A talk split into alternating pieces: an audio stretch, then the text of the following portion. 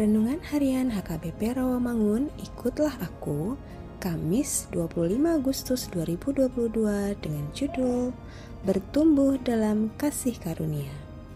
Bacaan kita pagi ini tertulis dalam Wahyu 3 ayat 1 sampai 6 dan bacaan kita malam ini tertulis dalam 2 Samuel 12 ayat 1 sampai 14.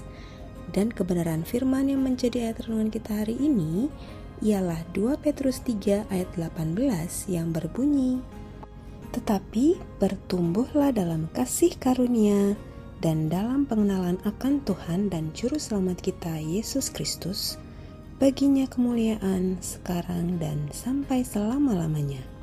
Demikian firman Tuhan. Sahabat ikutlah aku yang dikasihi Tuhan Yesus. Di sebuah playgroup, seorang guru memberikan benih biji kedelai kepada masing-masing siswa. Sang guru menugaskan agar para siswa mulai besok menanam biji itu di rumah mereka masing-masing. Setiap hari mereka harus memastikan apakah benih biji kedelai tersebut sudah bertumbuh atau belum. Para siswa ini sangat senang dan bersemangat. Setelah beberapa hari, sang guru berkata, "Anak-anak, sama seperti benih kedelai yang bersama-sama kita tanam, kepandaian yang Tuhan taruh harus terus kita bangun juga agar tetap bertumbuh.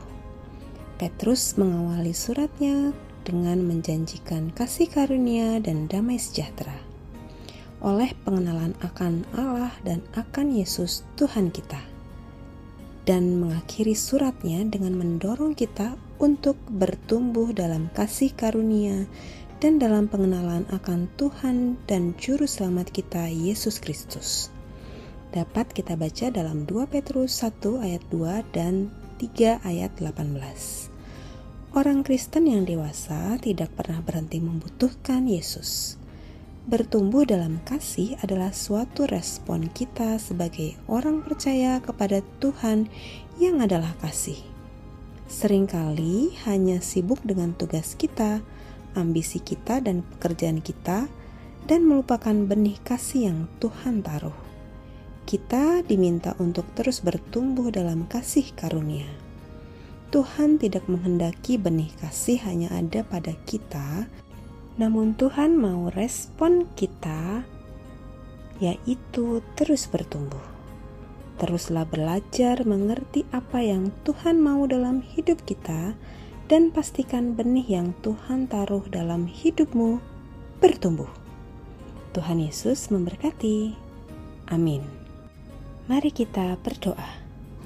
Kiranya Roh Kudus senantiasa menolong kami agar kami dapat belajar mengenal Tuhan dengan benar Tuhan. Amin.